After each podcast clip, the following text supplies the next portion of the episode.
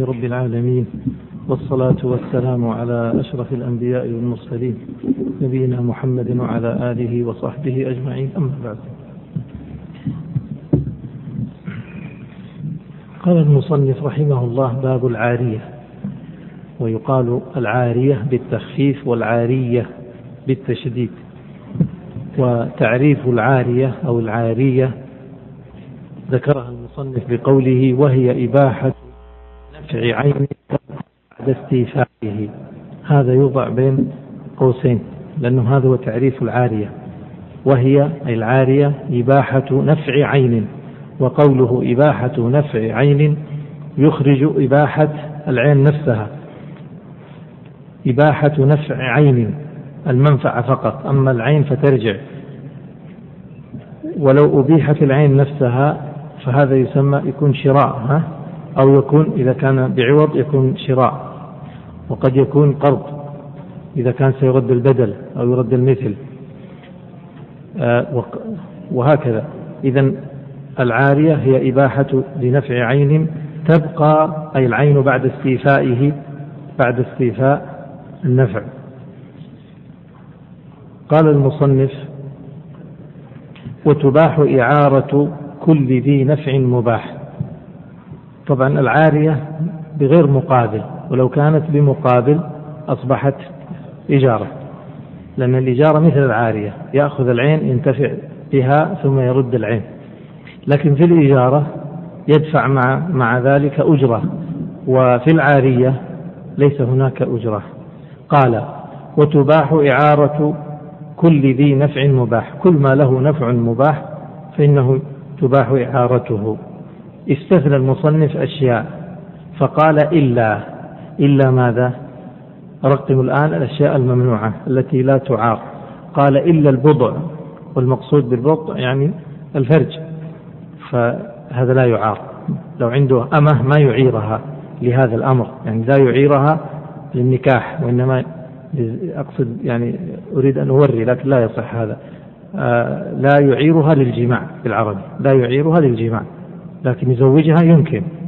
يعيرها للخدمة ممكن. يعيرها للخدمة يمكن. فأحيانا التورية في مثل هذه الأمور قد يفهم آه، عكس المراد. قال إلا البضع إذا واحد هذا الأول. وعبدا مسلما لكافر هذا الثاني. عبد مسلم لكافر يعني لا يعار. العبد المسلم لرجل كافر ليستخدمه. لا يجوز ذلك. لا يصح ذلك. والثالث قال وصيدا ونحوه لمحرم. لا يعار الصيد للمحرم. لماذا؟ لأن المحرم الصيد ليذبحه. تعرفون الصيد كل حيوان مأكول بري وحشي مثل الحمام أو الغزال. لا يعطى للمحرم غزال أو حمام ويقال اذبحه. لا يجوز له ذلك. أو لا يعطاه لا يعار له حتى لا يعطى في يده فيموت تحت يده. لأنه لو إذا أخذ الصيد المحرم إذا أخذ الصيد وبقي الصيد تحت يده فمات تحت يده عند ذلك يلزم بإيش؟ يلزم بالجزاء. فلهذا لا يعار له الصيد لأنه يحرم عليه قتل الصيد ويحرم أن يبقى الصيد تحت يده وأن يموت تحت يده. قال وأمة شابة لغير امرأة أو محرم. أيضا لا يباح إعارة أمة شابة لغير امرأة. لكن لو أعار الأمة الشابة للخدمة طبعا هنا الكلام للخدمة. إذا أعار الأمة الشابة لخدمة امرأة جاز ذلك. أو أعار الأمة الشابة لمحرم لها جاز ذلك. أما أن يعيرها لتخدم شابا لا يجوز. أو لتخدم رجل أجنبي عليها لا يجوز. قال المصنف ولا أجرة لمن أعار حائطا حتى يسقط. إذا أعار الحائط يعني سمح للجار أن يضع خشبه سقف الخشب على جداره. فهذه إعارة. لو أنه بعد مدة غير رأيه قال لا أنا رجعت في العارية هذه. يجوز؟ ما يجوز. لو طلب أجرة قال لا تبقي الجدار السقف هذا إلا بأجرة. يقال إيش؟ لا يجوز لأن الآن ما دام أعرته هذا الجدار فلا يحق لك أن ترجع في هذه العارية حتى يسقط الجدار أو يسقط السقف بنفسه فعند ذلك لك أن ترجع. أما الآن تقول له آه، رجعت في هذه العارية ولا أسمح لك بوضع السقف على جداري. يعني هذا ضرر عليه. قال ولا أجرة لمن أعار حائطا حتى يسقط. لا يستحق أجرة ولا يستطيع أن يرجع. ما دام أذن لا يرجع لأن رجوعه يتسبب أو رجوعه معناه ضرر على الغير. قال المصنف ولا يرد إن سقط إلا بإذنه. نعم إن سقط الجدار وسقط السقف وبنى الجدار مرة ثانية فجاء الجار مرة أخرى قال أريد أن أرد السقف. يمكن يقول لا لا أذن لك إلا بأجرة مثلا. قال وتضمن العارية بقيمتها يوم تلفت. العارية قال تضمن. يفهم من هذا أن العارية مضمونة وأن يد المستعير عليها ليس يد إيش؟ أمانة ليست يد أمانة وهو ليس يده ليس يد أمين وإنما هو ضامن يده يد ضمان. قال وتضمن العارية إذا يد يد المستعير يد ضمان. بقيمتها يوم تلفت ولو شرط نفي ضمانها يعني أيضا تضمن ولو أنه شرط عليه نفي الضمان. قال استعير منك هذا القلم لكن لا أضمنه. لو تلف لا أضمنه. فالجواب أن هذا الشرط لا يصح. فالعارية مضمونة أبدا ولو اشترط عدم الضمان. إذا كل واحد استعار من أحد شيء سيارة ولا سلعة ولا قلم ولا فهو مضمون عليه. لو تلف عنده يضمنه. والآن والآن أريدكم أن تفرقوا. مرت علينا أبواب كثيرة. بعضها فيها الضمان وبعضها لا ضمان. من الأشياء التي قلنا ما فيها ضمان من الأمانة اللي هي الوديعة. طيب الإجارة ولا؟ إيش مر معنا أيضا له يده في الضمان. المضارب الشريك المضارب يده يد إيش؟ أمانة. فلو تلفت عنده من غير تعدي ولا تفريط فهي طيب. قال المصنف وعليه مؤنة ردها. يعني على المستعير تكاليف الرد. تكاليف ردها. إذا انتهى وقتها وأراد أن يردها هو الذي يتحمل مؤنة ردها. قال للمؤجرة يعني لو استأجر عينا استأجر عين وانتهت مدة الإجارة من الذي يتحمل مصاريف الرد أو تكلفة الرد؟ أه؟ صاحبها المالك المؤجر وليس المستأجر. أما المستعير فإن هو الذي يتحمل قالوا عليه مؤنة ردها للمؤجرة يعني المؤجرة لا المستأجر لا يتحمل مؤنة ردها إذا؟ انتهت مدة الإجارة صاحبها هو الذي يتحمل تكاليف ردها إذا احتاجت إلى رد إلى نقل يعني. قال المصنف ولا يعيرها. من الذي لا يعيرها؟ المستعير. لا يعيرها. إذا استعار عارية فلا يعيرها للغير. قال فإن تلفت عند الثاني. والمعنى هنا محذوف تقدير. والمعنى قال لا يعيرها. فإن أعارها يعني فإن أعارها فتلفت عند الثاني. الآن إذا أعارها المستعير يكون ارتكب خطأ. ولا يجوز له ذلك. إذا فعل هذا الخطأ وتلفت السلعة أي العارية عند الثاني عند المستعير الثاني. قال فإن تلفت عند الثاني استقرت عليه قيمتها. عليه الضمير يعود على من؟ على الثاني على الثاني على الثاني. عليه أكتب عندها أي الثاني. إذا استعارها الثاني إذا المستعير الأول أخذها منك ثم أعارها للثاني فتلفت عند الثاني فيضمنها. قال استقرت عند الثاني. معنى استقرت عند الثاني يعني الذي يتحملها في الأخير هو الثاني. لكن بالنسبة للمعير يطالب من؟ يستطيع أن يطالب الأول. هذا معنى استقرت عند الثاني. معنى استقرت عند الثاني يعني له أن يطالب الأول فإذا طالب الأول ودفع قيمتها للأول أن يرجع على الثاني. فيطلب منه. لماذا؟ ليش هذا الكلام؟ نقول لأن العارية مضمونة ولا غير مضمونة؟ مضمونة. العارية مضمونة. العارية مضمونة. فالأول عندما أخذها كانت مضمونة عليه. الثاني لما أخذها من الأول صارت مضمونة على مين؟ على الثاني. واضح؟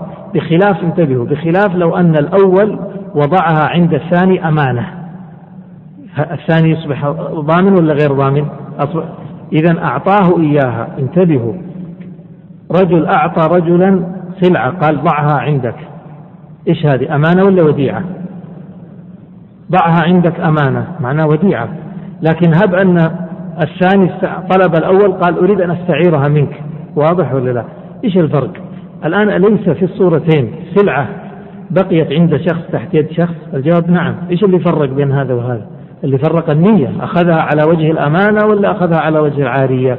إن أخذها على سبيل الأمانة والوديعة فلا يضمن إلا بالتعدي والتفريط وإن أخذها على سبيل العادية ضمن بدون تعدي وبدون تفريط إذا النية أيها الأحباب تغير الأمر يختلف الحكم و ولذلك لو إنسان قال أنا عندي كانت سلعة حق واحد وتلفت عندي أضمنها ولا ما أضمنها؟ نسأل أخذتها على اي وجه؟ أخذتها على سبيل الإجارة أو أخذتها على سبيل العارية أو أخذتها على سبيل الضمان على سبيل الوديعة أو أخذتها على سبيل الغصب. أي صورة من الصور؟ وكل صورة من هذه الصور له حكم. فإن كانت وديعة فهي مضمونة ولا غير مضمونة؟ غير مضمونة إلا بالتعدي والتفريط. وإن كانت عارية مضمونة. غصب مضمونة. إجارة غير مضمونة. قال المصنف واستقرت عليه قيمتها وعلى معيرها أجرتها. الآن ما زلنا في الصورة هذه نفسها. أعرت آه، العاري أخذها الأول ثم أعارها للثاني. الآن هذا التصرف لا يصح. فيستقر الضمان على الثاني. والأول عليه الأجرة لأنه الآن أعارها. ليس له ذلك. ليس له ذلك. قال وعلى معيرها أجرتها. ويضمن يعني المالك أيهما شاء أو يضمن أيهما شاء. واضح؟ ويضمن يعني المالك عندكم يضمن ولا يضمن؟ النسخة المشكلة. ويضمن اكتب عندها أي المالك. وفي بعض النسخ ويضمن وكله صحيح. إذا قلنا يضمن يصير مبني المجهول ويضمن يصير أيهما شاء. يصير يضمن المالك أيهما شاء. إذا في هذه الحالة لما عارها الأول للثاني استقر الضمان على الثاني والأول يلزمه الأجرة لأنه الآن تصرف فيها تصرف ليس له. أنا أذنت لك في أن تستعيرها لكن ما أذنت لك للتصرف فيها تروح تعيرها الناس. فلذلك تتحمل أجرتها لأن كأنك الآن غصبتها. ولو أن إنسان غصب شيئا من شخص وتصرف له أجرة فيتحمل الأجرة. فهمتم؟ له لمثله أجرة يتحمل الأجرة. طيب هذا سيأتي في باب الغصب إن شاء الله. قال وإن أركب منقطعا للثواب أركب رجلا منقطعا في الطريق. يريد الثواب لم يضمن. من الذي لم يضمن؟ هذا المنقطع المنقطع. الآن إنسان راكب في دابة فوجد رجلا منقطعا فأراد أن يحمله على هذه الدابة حمله على هذه الدابة يريد الثواب. فتلفت الدابة بحمل هذا المنقطع. هل يضمن المنقطع؟ لا ما يضمن هذا المنقطع. ليش ما يضمن؟ لأنه ما ما تسبب وأنت الذي سمحت له بالركوب وأنت الذي أركبت تبتغي الثواب فلا تحمله النتيجة. قال وإذا قال أجرتك؟ قال بل أعرتني. هذه الصور هي ملخصة عندكم في الملخص وهي أسهل أوضح في الملخص ونرجع لها بعد ذلك. إذا قال في الملخص في رقم 22 قال وإذا قال أجرتك؟ قال بل أعرتني.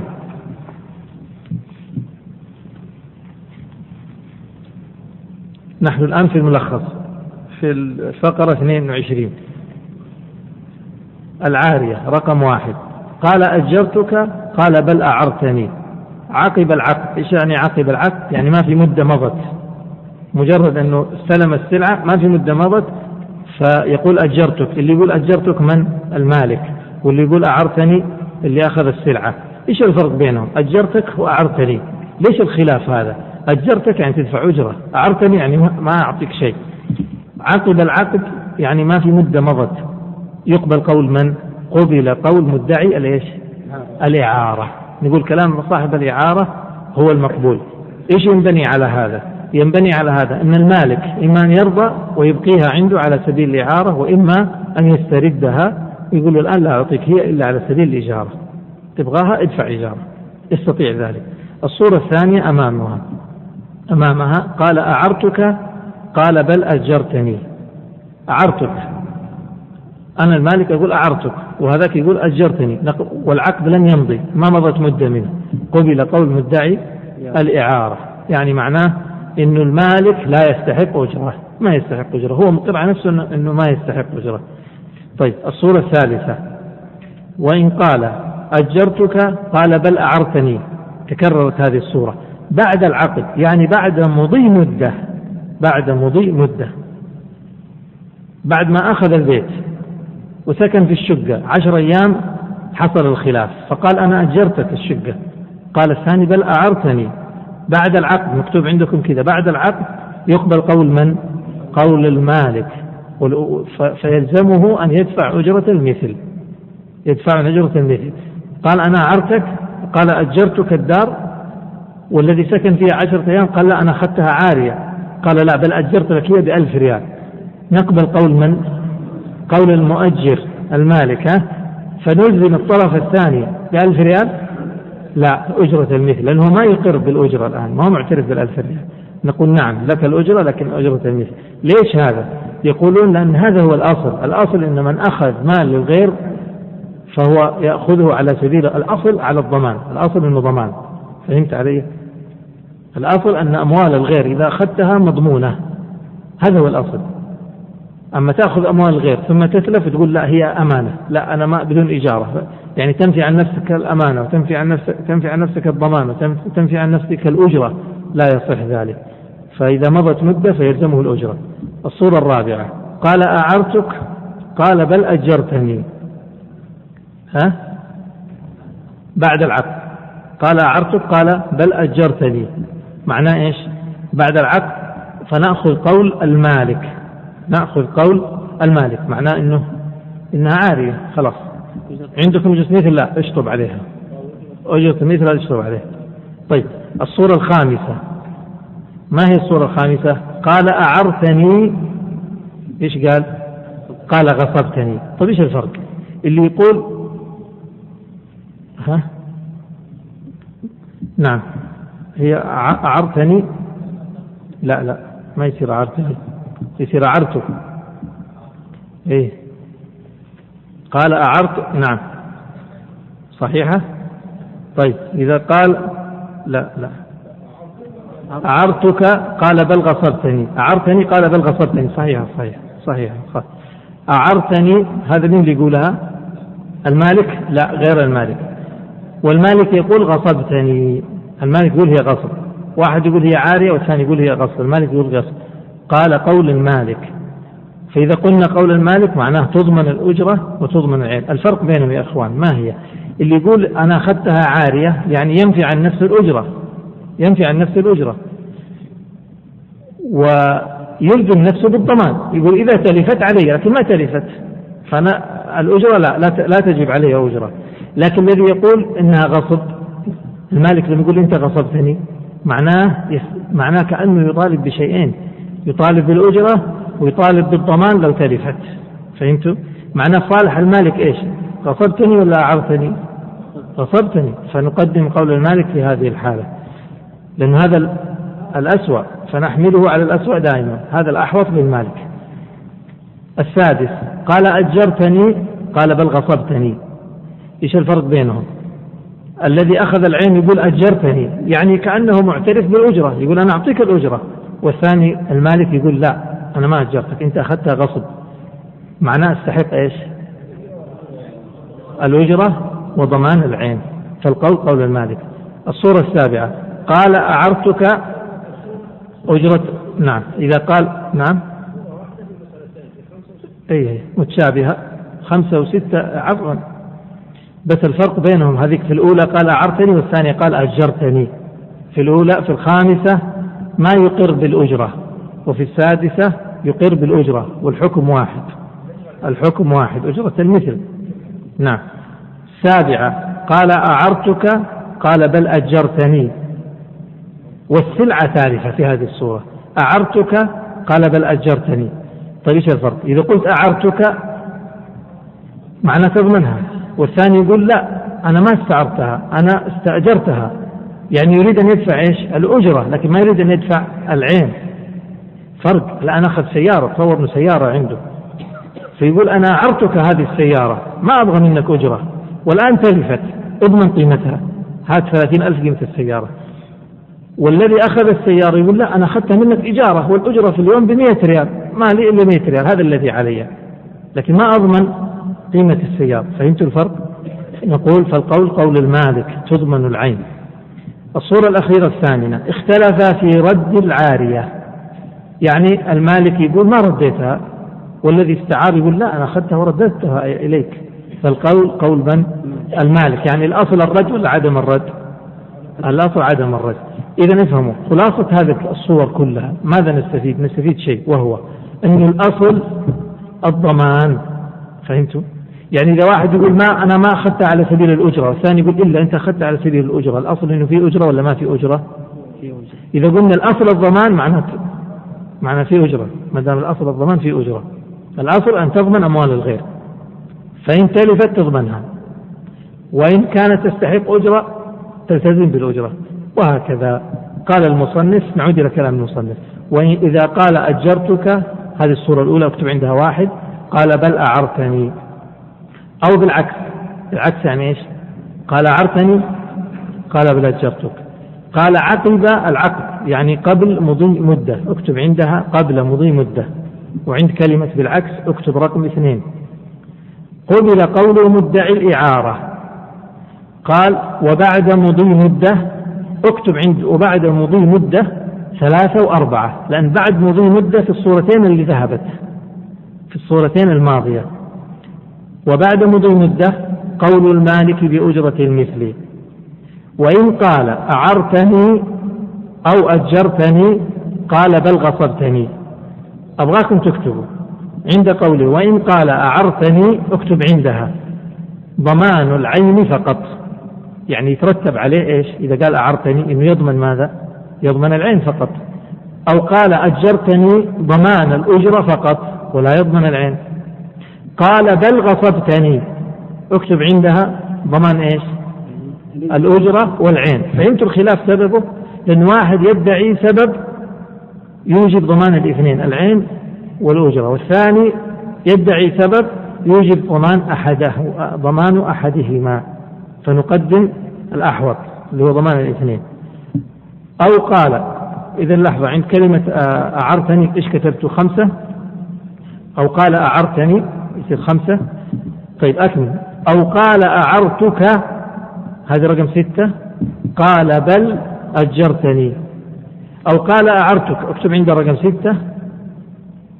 اكتب عند كلمة أعرتك ضمان العين. ينبني عليها ضمان العين.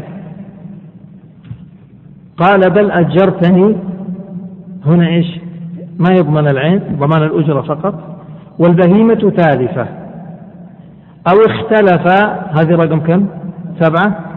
أو اختلف في رد العارية يعني فقول المالك فقول المالك يعني بيمينه. إذا قلنا قول المالك دائما قول المالك معناه بيمينه. قال المصنف باب الغصب. ما هو الغصب؟ تعريف الغصب بين قوسين. عندكم التعريف مكتوب وهو الاستيلاء على حق غيره قهرا بغير حق. ضعه بين معكوفتين. إذا ما هو الغصب؟ الغصب هو الاستيلاء هذا واحد. على حق غيره اثنين. قهرا ثلاثة بغير حق أربعة. هذه النقاط الأربعة يتكون منها تعريف الغصب. قال من عقار ومنقول. سواء كان المغصوب عقار أو كان منقولا يعني غير ثابت. قال المصنف وإن غصب كلبا يقتنى كلب يقتنى. إيش الكلب اللي يقتنى؟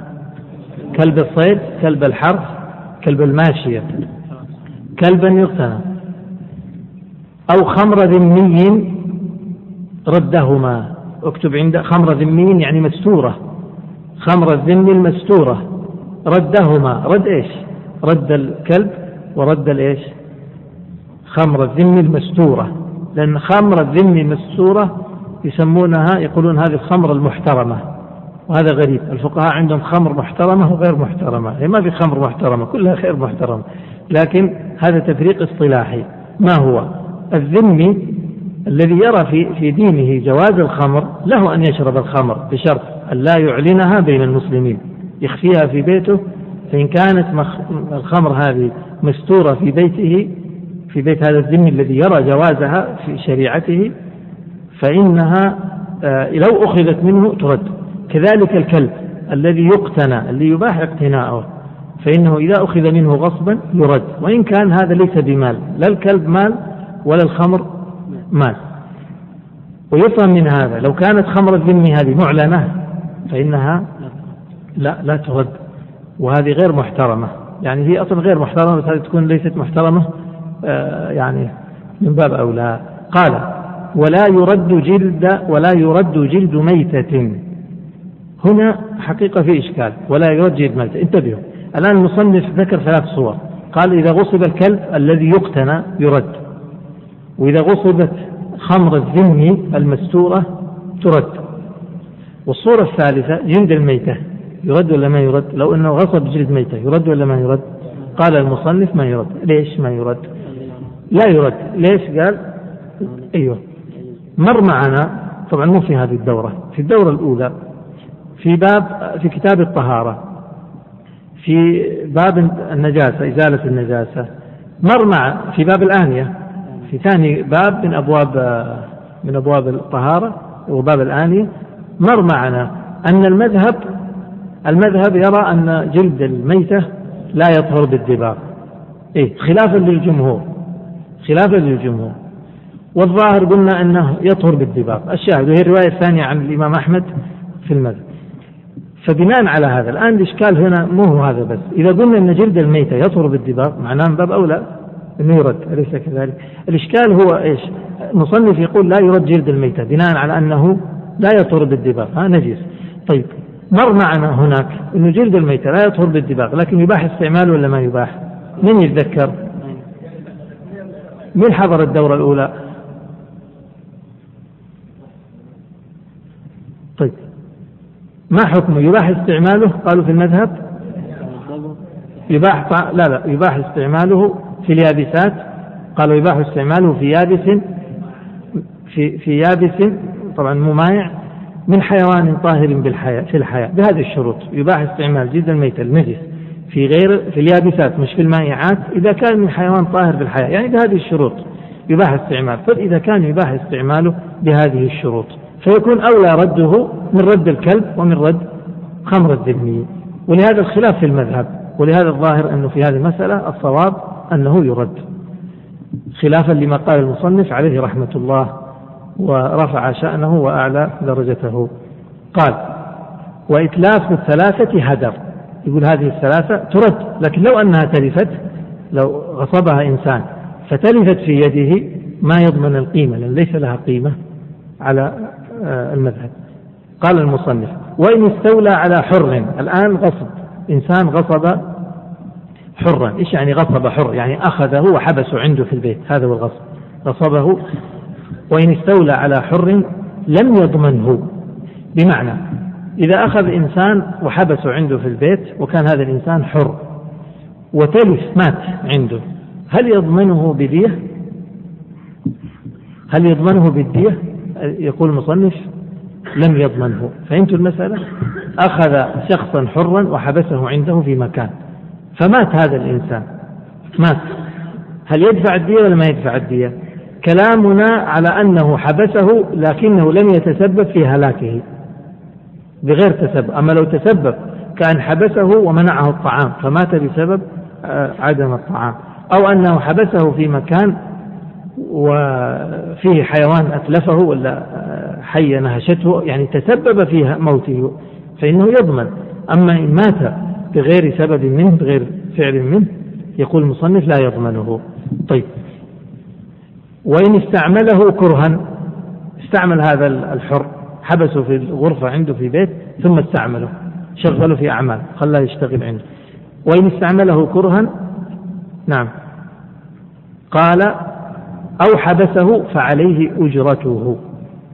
إذا هذا الحر اللي حبسه غصبه حبسه غصبا.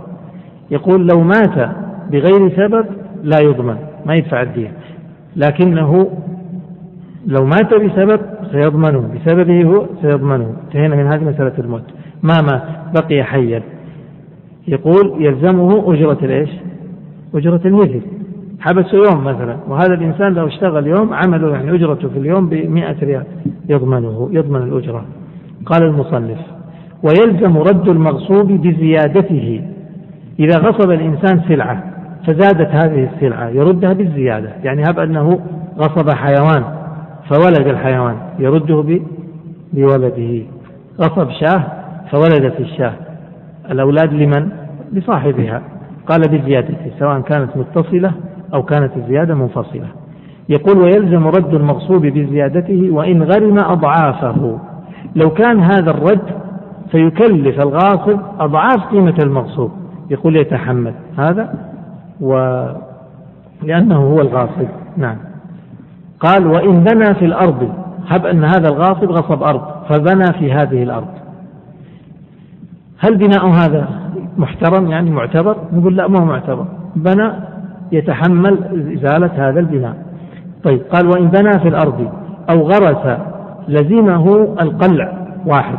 رقموا ما يلزمه. ماذا سيلزمه؟ سيلزم واحد القلع يعني أن يقلع هذا البناء أو هذا الغرس. اثنين وأرش نقصها أرش نقصها يعني قيمة النقص اللي حصل في الأرض بسبب البناء أو بسبب الغصب. قد يكون آه الغرس. قد يكون البناء أو الغرس تسبب في نقصان قيمة الأرض. فأرش نقصها ثلاثة وتسويتها يعني عليه أن يصلحها كما كانت. عبث في الأرض وغير فيها بالبناء وكذا فيعيدها كما كانت. والأجرة. إذا تلزم الغاصب هذه الأربع الأشياء أن يقلع بناءه وأن يتحمل النقص لو حصل نقص في الأرض وأن يسوي الأرض كما كانت وأن يدفع أجرة المدة التي اغتصبها اغتصب الأرض سنة يدفع أجرة سنة لصاحبها. قال المصنف ولو غصب جارحا أو عبدا أو فرسا فحصل بذلك يعني الجارح أو العبد أو الفرس فحصل بذلك صيد فلمالكه. لمالكه. قال المصنف وإن ضرب المصوغ يعني الذهب ونسج الغزل يعني سرق ذهب فضربه. ها؟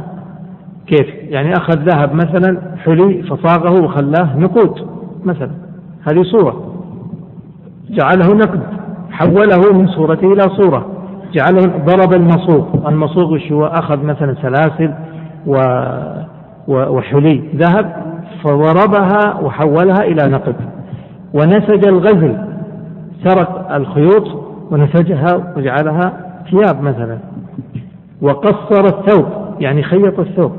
أو صبغه أخذ الثوب وصبغه بلون آخر. ونجر الخشب ونحوه. أو صار الحب زرعا يعني غصب الحب سرق الحب وزرعه فصار زرع. أو البيضة فرخا يعني سرق البيض فصار فرخ. والنوى غرسا سرق النوى فأصبح غرسا. إيش يفعل في هذه الصور كلها؟ الصور هذه إيش هي؟ الصور هذه أنه سرق شيئا فتحول من صورته إلى صورة أخرى. قال رده. إيش اللي يلزمه الآن؟ يلزمه رده واحد وأرش نقصه. الآن التغيير اللي حصل هذا. هل تسبب في نقص قيمة هذا الشيء أو الزيادة أو البقاء؟ قد يكون نقص. ما ندري. بعضها سيكون نقص بعضها سيكون زيادة. وبعضها سيبقى كما هو. إن حصل نقص في القيمة سيتحمل النقص هو. قال وأرش نقصه ولا شيء للغاصب. يعني ليس له شيء نظير عمله. نظير العمل. ما يقول والله طيب الخشب هذا الخشب هذا قبل ما ينجره هو كان يسوى ألف ريال. بعد ما نجر الخشب وسواه أبواب صار يساوي 800 ريال. إيش نقول؟ من يتحمل ال 200 ريال؟ الغاصب. هب أنه بعد أن نجره أصبح الخشب هذا يسوى 1200 ريال. ال 200 ريال لمن؟ لمالك الخشب. طيب والعمل الذي عمله الغاصب؟ نقول هذا تبرع ما له شيء. ليس له نظير عمله. وكذلك المن يعني إن صارت زيادة فهي للمالك وإن صار نقص فهي يتحملها فهي على الغاصب. قال طيب الحب هذا ما يملكه الشجرة هذه الزرعة هذه ما يملكها. فالآن يضمن الحبوب هذه قيمتها أكثر ولا الزرع هذا أكثر؟ ف فعلى العموم ما ندري يمكن يكون الحب أكثر. فيتحمل إن كان نقص في القيمة يتحمل النقص وإن كان زيادة فلا فلا يستحق شيء. قال المصنف ويلزمه ضمان نقصه يعني إذا حصل نقص في المسروق. قال المهم هذه قاعدة تفهموها. المغصوب أو الغاصب إذا عمل في المغصوب عملا فزاد قيمته فلا شيء له. وإن عمل عملا أنقص القيمة عليه الضمان. قال المصنف وإن خصى الرقيق رده مع قيمته. يعني يرد الرقيق ويرد معه إيش؟ قيمة الرقيق، ليش القيمة؟ لأنه هذه قاعدة ستأتي في باب الديات. إنه كل شيء في الإنسان منه واحد ففيه إيش؟ فيه الدية.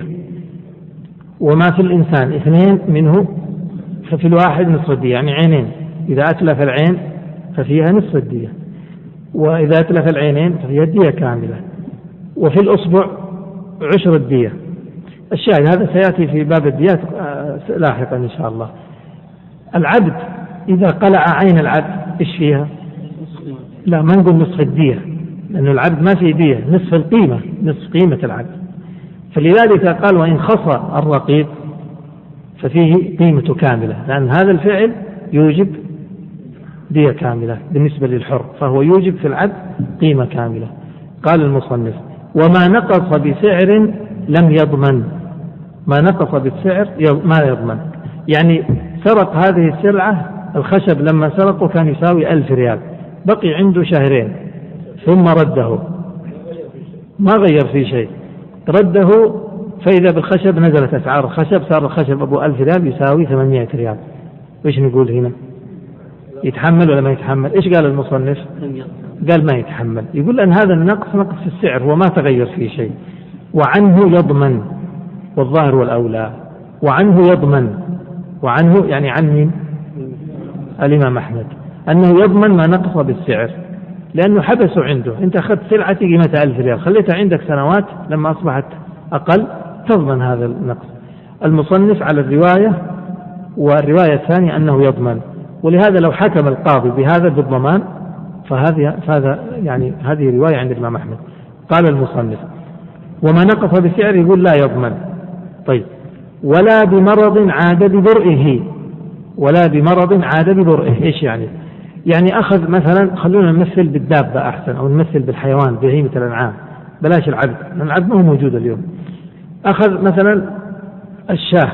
الشاة قيمتها يوم غصبت ألف ريال. ما في ألف ريال غالية 500 ريال.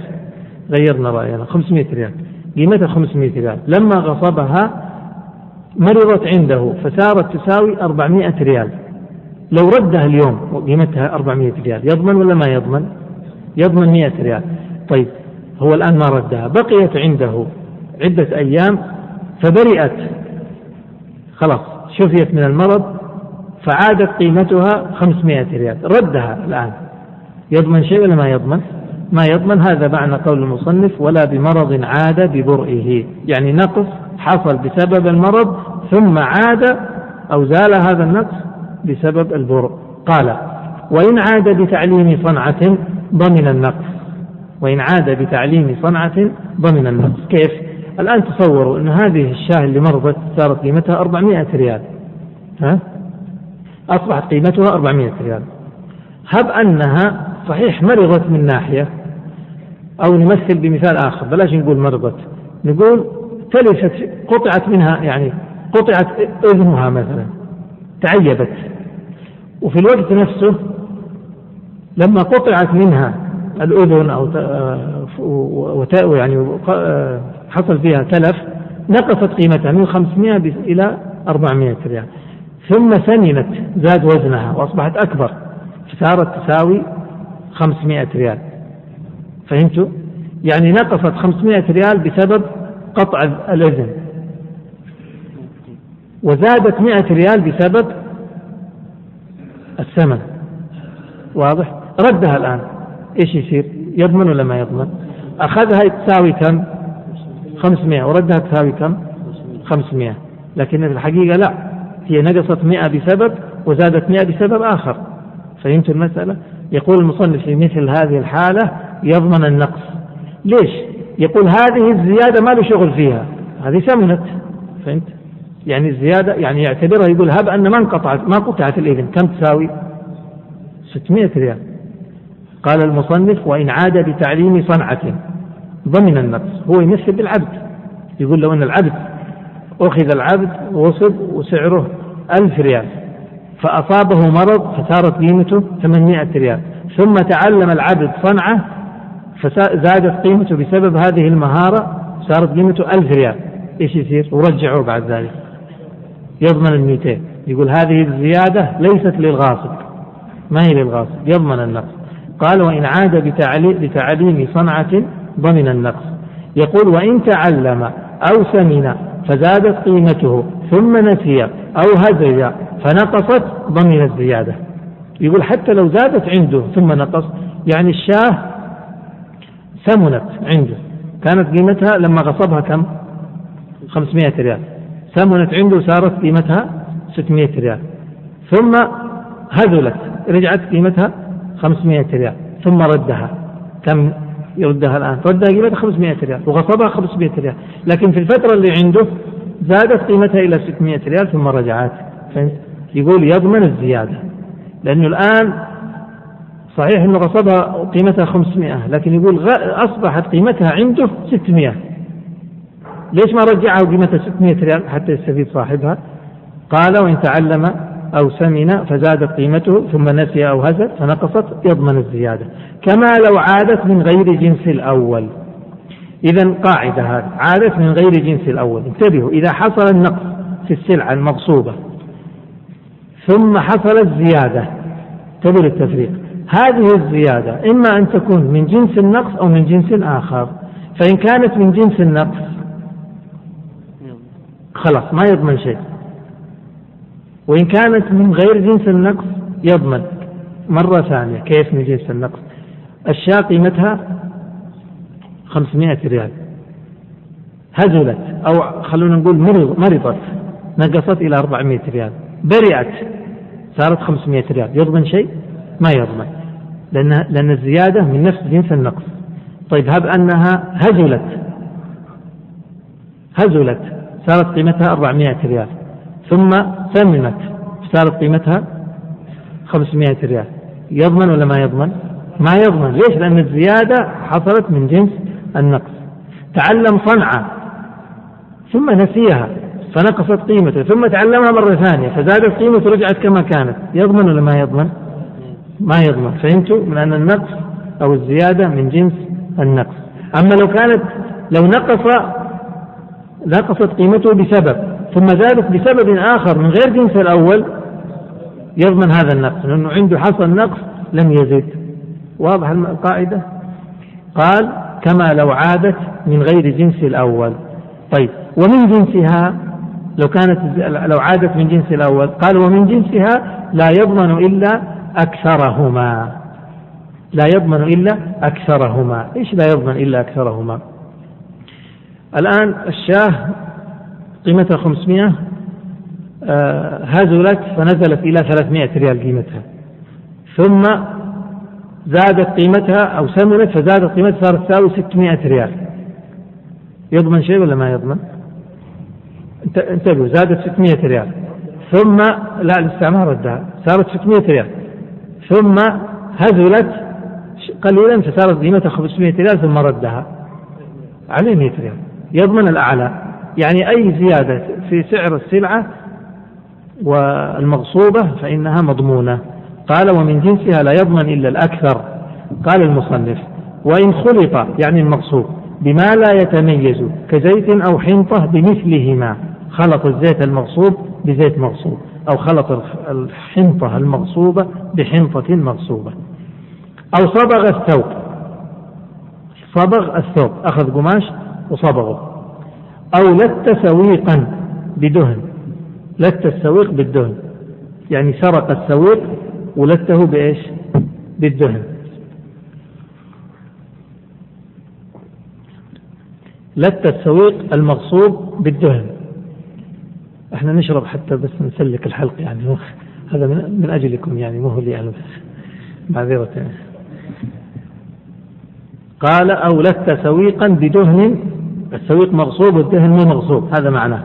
أو عكسه يعني لت عكسه يعني معناه أنه الدهن مغصوب والسويق مو مغصوب. أن خلط المغصوب بشيء آخر لا يتميز به هذه أمثلة. والقاعدة ذكرها في البداية قال وإن خلط بما لا يتميز. إيش الحكم هنا؟ قال المصنف ولم تنقص القيمة ولم تزد إذا حصل هذا الخلط ولم تنقص القيمة ولم تزد فهما شريكان بقدر ما ليهما فيه. فهما شريكان بقدر ما ليهما فيه. فهمت المسألة؟ يعني الغاصب الغير محترم ما أبغى أقول المحترم. غصب الزيت وخلطه بزيت حطه مع زيته هو. فالآن كيف يتميز؟ الزيت المغصوب مع زيت الغاصب. ما يتميز. فإيش الحكم في هذا؟ قال إيش؟ فهما شريكان بقدر ما ليهما. واضح؟ اكتب عندها. هذا الكلام اللي قاله المصنف عليه رحمة الله هو خلاف المذهب. خلاف المذهب. اكتب عندها والمذهب يلزمه مثله. يلزمه مثله فقط. يعني في مثل هذه الحالة على المذهب لأن ترى المصنف عليه رحمة الله في عنده بعض المسائل خالف الراجح في مذهب الإمام أحمد. له اختيارات. وهذا يؤكد أن الجماعة ما هم مقلدين محض هكذا يتبعون فقط ويكررون. لا يميزون ويخالفون. ولهذا المسائل التي خالف فيها الحجاوي عليه رحمة الله المذهب ولما نقول المذهب يعني إيش؟ يعني ما قال أكثر الأصحاب أنه هذا رأي أحمد. يعني كأنه كأن الحجاوي في هذه المسألة خالف الإمام أحمد فيها. خالف ما يراه أنه هو مذهب أحمد. يقول هم شريكان. المذهب يقول لا ما هم شريكان. إذا أخذ الزيت وخلطه بزيت ثاني ما يتميز يلزم إيش؟ أن أن يعطي صاحب الغصب صاحب المغصوب أن يعطيه مثله. فهمتوا علي؟ غصب زيتي وراح خلطه بزيت ثاني. أنا ما لي شغل كم زيت ال ال كم مقدار الزيت المغصوب يلزمه أن يعطيني مثله. وأما الذي خلطه يأخذ له. قال المصنف قال هما شريكان. وإن نقصت القيمة ضمنها ضمنها. إذا المعنى إيش الحكم؟ الآن يقول إذا خلطهم ولم تتغير القيمة. ما تغيرت القيمة. كيف ما تغيرت القيمة؟ يعني أخذ زيت مغصوب قيمته 100 ريال وخلطه بزيت عنده قيمته 100 ريال وأصبح كمية الزيت بعد الخلط قيمتها 200 إيش يصير؟ يصير هم شريكين. على كلام المصنف هم شريكان. طيب إيش يسووا؟ يبيعوا الزيت وكل واحد يأخذ 100 ريال. هذا معناه. يقول وإن نقصت القيمة إذا نقصت القيمة شريك مع الحرامي. إيش المشكلة؟ واحد مشارك حرامي واحد مشارك أمين كله يحصل هذا بالزمن في كل زمن. نعم. إذا من جنس واحد خلاص يباع يقول هو يبيع الزيت ويقسموه. لا الآن أنتم لا تستغربوا اسمعوا الكلام واهضموه. وافهموا وراجعوه. ولا لا تستشكلوا أشياء. هذا اللي حصل. إنه غصب الزيت نقول هم شريكان. هذا رأي المصنف. لكن على القول الثاني إنه ما هم شريكان ولا شيء. يطالبه بمثل زيته فقط. طيب. قال وإن نقصت القيمة. هب أنهم بعد ما خلطوا الزيت أصبح الزيت ما يساوي 200 يساوي 150 واضح؟ فيقول وإن نقصت القيمة ضمنها معناه أنا لي 100 ريال ما لي شغل في النقص هو يتحمل النقص. طيب قال وإن زادت قيمة أحدهما فلصاحبه. قيمة أحدهما إيش قيمة أحدهما؟ الآن خلط شيئين يعني يمكن هذا ما يتصور في في الزيت لوحده أو يتصور في زيت من نوعين ما هو من نوع واحد. زيت من نوعين. ويتصور أيضا في ثوب آه، صبغ. إذا سرق الثوب غصب الثوب ثم صبغه. يقول زادت قيمة أحدهم. قيمة أحدهم زادت والثاني ما زاد. وهل هذا يتصور؟ يتصور. يقول لو فرضنا أنه حصل هذا كالثوب المصبوغ مثلا فالزيادة كانت للصبغ مثلا أو للثوب ما هو للصبغ. فيقول وإن زادت قيمة أحدهما فلصاحبه. فلصاحبه. كيف؟ الثوب لما صبغناه الثوب لوحده بدون صبغ يساوي مئة ريال والصبغ يساوي مثلا مئة ريال وبعد الصبغ صار يساوي كم؟ يساوي 300 ريال. مش 200 يساوي 300 ريال. 300 ريال. 200 للثوب. والصبغ لا قلت قيمته مثلا. فيقول لو تصورنا إنه أحدهم يزيد قيمته والثاني ينقص يقول وإن زادت قيمة أحدهما فلصاحبه. فلصاحبه سواء للغصب ولا وكل هذا على رأي المصنف وخلافه إيش نقول؟ على الرأي الثاني نقول ما يزيد قيمه ما انه القيمة تزيد ولا تنقص؟ إذا خلط المقصود بشيء لا يتميز يلزمه المثل وبس يلزم المثل فقط. تزيد القيمة تنقص القيمة ويتحملها. قال المصنف ولا يجبر من أبى قلع الصبغ ولا يجبر من أبى قلع الصبغ يعني لو قالوا له اقلع الصبغ قال ما أبغى أقلع الصبغ نجبره؟ يقول لا ما نجبره. لأنهم يصبحوا شريكان. نقول لا حرج. ما نجبره ما نجبره لكن نجبره على أن يدفع المثل أن يدفع المثل.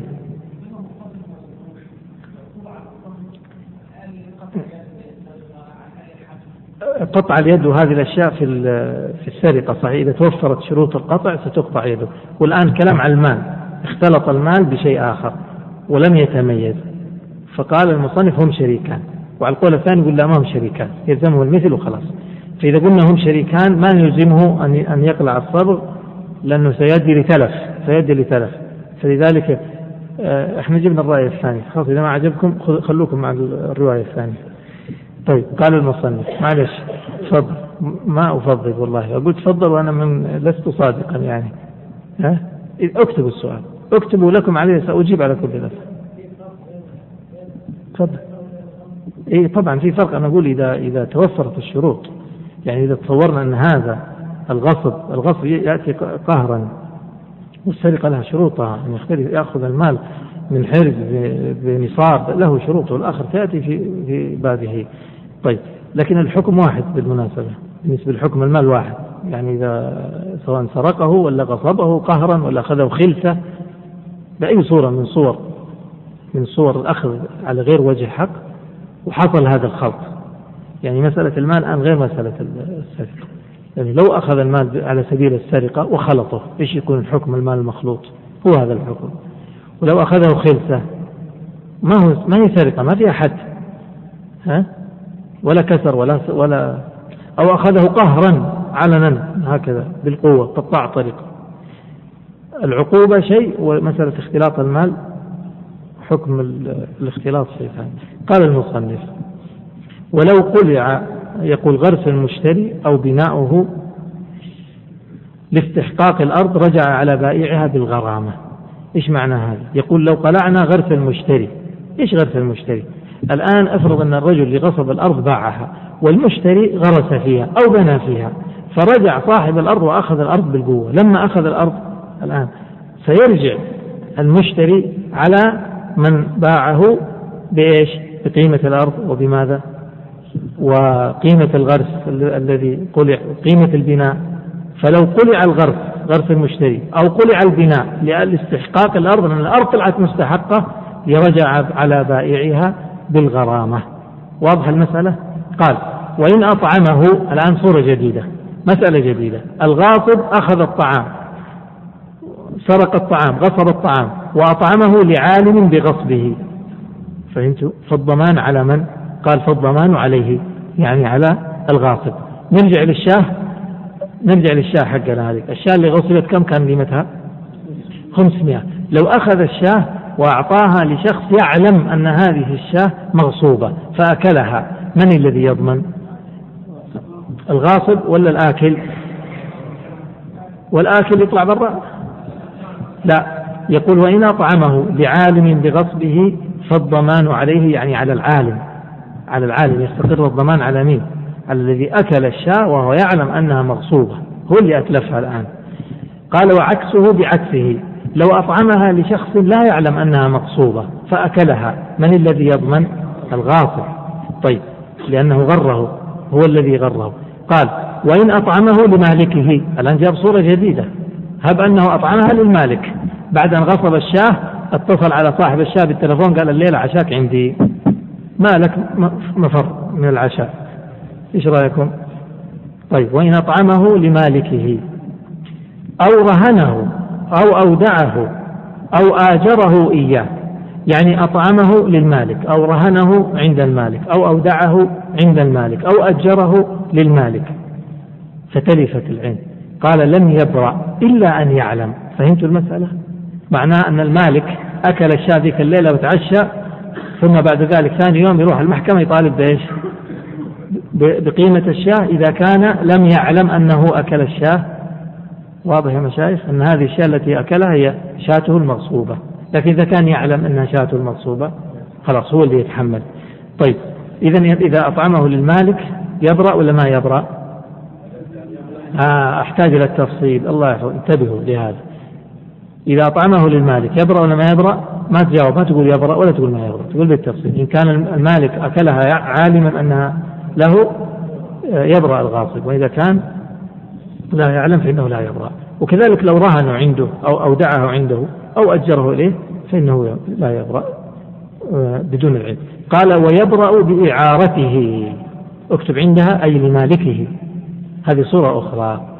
يقول ويبرأ بإعارته يعني لمالكه. كيف إعارته لمالكه؟ هب أنه غصب. أقول غصب إيش؟ غصب السيارة. وأخذ السيارة لما غصب السيارة أعارها للمالك والمالك أخذها لا يعلم أنها له فتلفت عنده. من اللي يتحملها؟ لا يقول المالك. يقول المالك. إيه يقول المالك. ليش؟ يقول لأن المالك العارية مضمونة ولا ما هي مضمونة؟ إيه فيقول المالك أخذ السيارة على وجه ماذا؟ الإعارة على وجه العارية. فإذا أخذها على وجه مضمون. تلفت عنده. يقول فهي مضمونة. طلعت إنها له هي مضمونة بكل حال. واضحة المسألة؟ إن أخذها على سبيل العارية ضمنها المالك لأنه أخذها على وجه مضمون. يعني هب أن السيارة هذه هي له. الواحد الثاني ما راح يضمنها سيضمنها على كل حال. هذا معنى. قال المصنف وما تلف أو تغيب من مغصوب. عندكم تغيب ولا تعيب؟ لا من عنده تعيب؟ من عنده تعيب؟ اللي عنده تعيب يحط نقطة فوق العين. إيه؟ وما تلف أو تغيب من مغصوب مثلي غرم مثله. تلف معروف يعني إيش تلف؟ تغيب يعني هرب مثلا. هو في حكم التلف. من مغصوب مثلي غرم مثله. وإلا غرم مثله إذا وإلا فقيمته يعني إذا تعذر المثل فقيمته يوم التعذر. يا إخوان قاعدة في مسألة الضمان. افهموها. في أي باب يأتيكم هي هذه القاعدة لا تتغير. ما هي القاعدة؟ إذا قلنا فلان يضمن سواء كان أمين فرط ولا سواء كان أخذ على سبيل العارف مو تضمن ولا لا؟ أو كان غاصبا يضمن ولا ما يضمن؟ إذا قلنا يضمن كيف الضمان؟ يضمن المثل لمثله وغير المثل القيم بقيمته. انتهينا من هذا؟ خلاص. ما كان له مثل يروح يجيب مثله. واللي ما له مثل يدفع قيمته. طيب قال إذا آه، غرم مثله من مغصوب مثلي غرم مثله إذا وإلا فقيمته يوم التعذر. يعني وإلا تعذر المثل فعليه القيمة يوم التعذر. يوم تعذر رد أو يوم تعذر رد. قال ويضمن غير المثل أو غير المثل بقيمته يوم تلفه. هذه القاعدة التي ذكرناها. قال وإن تخمر عصير فالمثل. إذا تخمر العصير هو غصب عصير ثم أصبح العصير عنده ما شربه خلاه عنده أصبح خمر يرد لإيش؟ خمر؟ ما يصلح ما يصلح فيرد عصير. فإن انقلب يعني الخمر خلا إيش يسوي؟ هذه صورة ثانية. الآن غصب مني عصير وخلى عنده العصير عشرة أيام. بعد عشرة أيام أصبح خمرا. يرد لي خمر ولا يرد لي عصير مثله؟ عصير مثله. طيب بعد عشرة أيام صار خمر ما أخذته منه. ما زلنا نتفاوض. خمر عصير أصبح خل مثلا. إيش يسوي؟ يرد لي الخل؟ الخل الخل يجوز. ليش؟ يرد يرد الخل مع الفرق إن كان حصل نقص. إن كان حصل نقص. يقول فإن انقلب خلا دفعه ومعه نقص قيمته عصيرا. فهمتوا؟ يعني كيف؟ الآن العصير اللي غصبوا مني قيمته 100 ريال لما صار خمر صار ما يسوى شيء صار يسوى صفر ما يسوى الا ريال طيب لما تحول الخمر إلى خل كم صارت قيمة الخل؟ أضرب 50 ريال معناه يرد لي الخل ويرد معه 50 ريال قال المصنف فصل وتصرفات الغاصب الحكمية باطلة والمقصود بالحكمية يعني التي لها حكم من الصحة والبطلان يقول هي باطلة. والقول في قيمة التالف أو قدر التالف أو صفة التالف قول من؟ قوله هو يعني الغاصب. فقوله أي الغاصب. إذا حصل خلاف بين الغاصب وبين صاحب الغصب ففي القيمة. قال أنا غصبت منك أشياء قيمتها 500 قال لا 600 يقول في القول قول الغاصب إنها 500 إيه؟ و, و أو قدره. قال قصدت منك آه، آه، شاتين؟ قال لا شاة واحدة. أو صفته الشاة اللي أخذتها سمينة؟ قال لا ما هي سمينة مريضة ما هي مريضة. قال آه قول الغاصب ولا قال. هذا الكلام كله متى؟ إذا لم يكن هناك شهود ولا بين ولا إثبات. لأنه أسمع هي لحظة أنت الآن تقول كيف تتعاطفوا مع الغاصبين ولا إيش؟ ها؟ ترحموهم. لا لا ترحموهم. كما يعني هو العدل مطلوب. طيب كيف؟ ناخذ قول صاحب طيب إذا أخذنا ممكن يفتري هذاك ويزيد. فالآن صارت القضية الآن بين شيئين. شاه ولا شاتين؟ الشاه متفق عليها والزيادة غير متفق عليها. وما في بينة. إن جاءت البينة أو عملنا بها ما في بينة. وهذا سيفضي إلى مشكلة حقيقة. صحيح أن الغاصب سيلقى أجره عند الله. يقول وفي رد وعدم وفي رده يعني في رد المغصوب وعدم عيبه قول ربه يعني قول صاحبه لو قال نعم أنا غصبت منك الشاة لكن أنا رديتها فقال صاحب الشاة لم أخذها منك وما رديتها الكلام كلام من؟ كلام صاحب الشاة معناه ما رديتها ليش؟ لأن الأصل ما هو؟ الأصل عدم الرد ولا لا؟ الأصل عدم الرد قال وفي رد و... وعدم عيبه معيبة. فالأصل إنما هي معيبة. وإن جهل ربه يقول لو أن الغاصب مثلا بعد ما غصب ندم. ها؟ ندم على هذا الغصب وأراد أن يرد المغصوب. وجهل صاحب العين. هذا معنى جهل ربه. ماذا يفعل؟ تصدق به عنه مضمونا. مضمونا. ما معنى مضمون؟ معناه إذا جاء يعطيه. يتصدق به عنه ما هو له هو. الأجر ليس له. الأجر لصاحبه. ومضمونا. قال ومن أتلف محترما. هذه صور يا إخوان. كل من أتلف شيء أو تسبب في إتلاف شيء يضمنه. اتفقنا على القاعدة هذه؟ طيب إيش صور هذه الإتلاف؟ نقرأها. قال ومن أتلف محترما. يقصد محترم يعني شيء له قيمة. أو فتح قفصا أو بابا أو حل وكاء يعني رباط. ها؟ آه مثل وكاء شيء مشدود يعني. آه وكاء أو رباطا أو قيدا فذهب ما فيه أو أتلف شيئا ونحوه ضمنه إذا تسبب فيه إتلاف فك قفص طارت الطيور فتح فك الحبل شردت الدابة. أي سبب تسبب فيه في إتلاف؟ آه، تسبب به في الإتلاف فإنه يضمن. صلى الله عليه وسلم.